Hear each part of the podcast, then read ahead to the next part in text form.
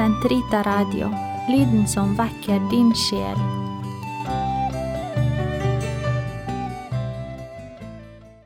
Den katolske kirkes katekisme, uke 42, torsdag 1554 til 1561.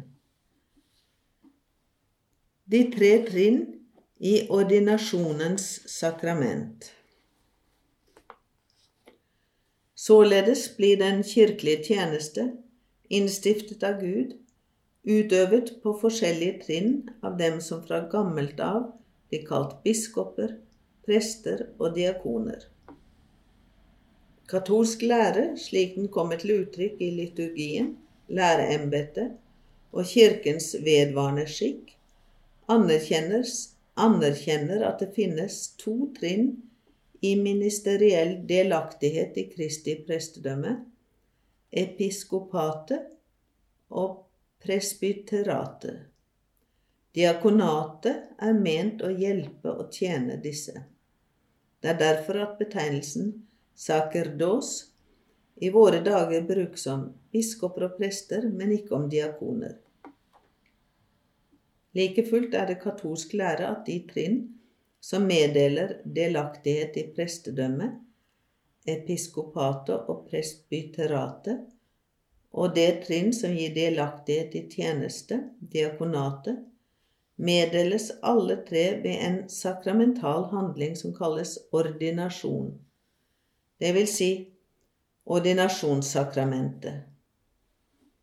Måtte alle vise aktelse for diakonene som for Jesus Kristus og likeså for biskopen, som er et avbilde av Faderen, og for presbyterne, som er lik en Guds rådsforsamling, og, er, og et forbund av apostler. Uten disse kan det ikke være tale om noen kirke. Bispeordinasjonen, fylden av ordinasjonssakramentet. Tradisjonen vitner om at den viktigste blant de forskjellige tjenester som utøves helt siden kirkens første tid, er bispeembetet. De som er blitt innsatt i den rekke av biskoper som etterfølger hverandre fra begynnelsen av, har spirer av den apostoliske utsed. Til å utføre så store oppgaver sendte Kristus fra oven apostlene den hellige ånd med særlig rike gaver, og selv overdro apostlene ved håndspåleggelse den åndelige gave som er blitt ført videre helt frem til våre dager gjennom bispevielsen til sine medarbeidere. Det annet Vatikankonsil lærer at ved bispevielse meddeles fylden av ordinasjonssakrament som både ifølge Kirkens liturgiske skikk og de hellige fedre ganske riktig kalles yppersteprestedømme, den hellige tjeneste, i en sum. På samme tid som den pålegger biskopene å helliggjøre, meddeler deres vielse dem også den dobbelte oppgave å lære og styre. Det fremgår nemlig at Den hellige ånds nåde blir meddelt biskopene, og det sakramentale seil preget inn i dem ved håndspåleggelsen og ved vielsens ord, slik at de på en særlig og synlig måte kommer i selve Kristi sted, han som er lærer, hyrde og prest, og deretter handler i hans person. In eius persona agant. Derfor er biskopene, ved Helligånden som er gitt dem, blitt sanne og ekte lærere, prester og hyrder for troen. Medlem av bispekollegiet blir man i kraft av den sakramentale vielse og av det hierarkiske fellesskap med kollegiets hode og lemmer. Episkopatets særpreg og kollegiale vesen gis til kjenne bl.a. ved den gamle kirkelige skikk at flere biskoper deltar i vigselen av en ny biskop.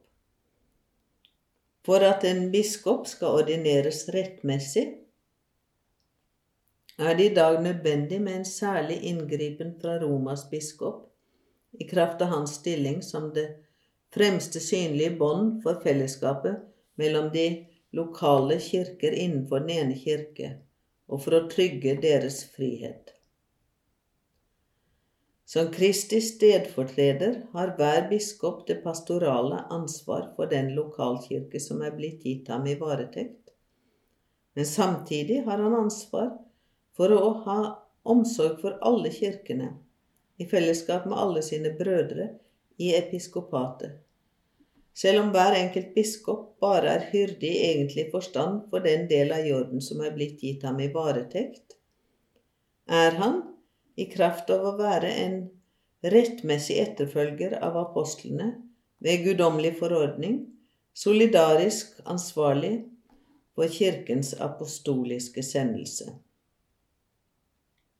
Alt det som her er sagt, forklarer hvorfor den eukaristi som feires av biskopen, har en særlig betydning som uttrykk for Kirken, samlet rundt alteret under forsetet av ham som på synlig vis er i Kristi sted.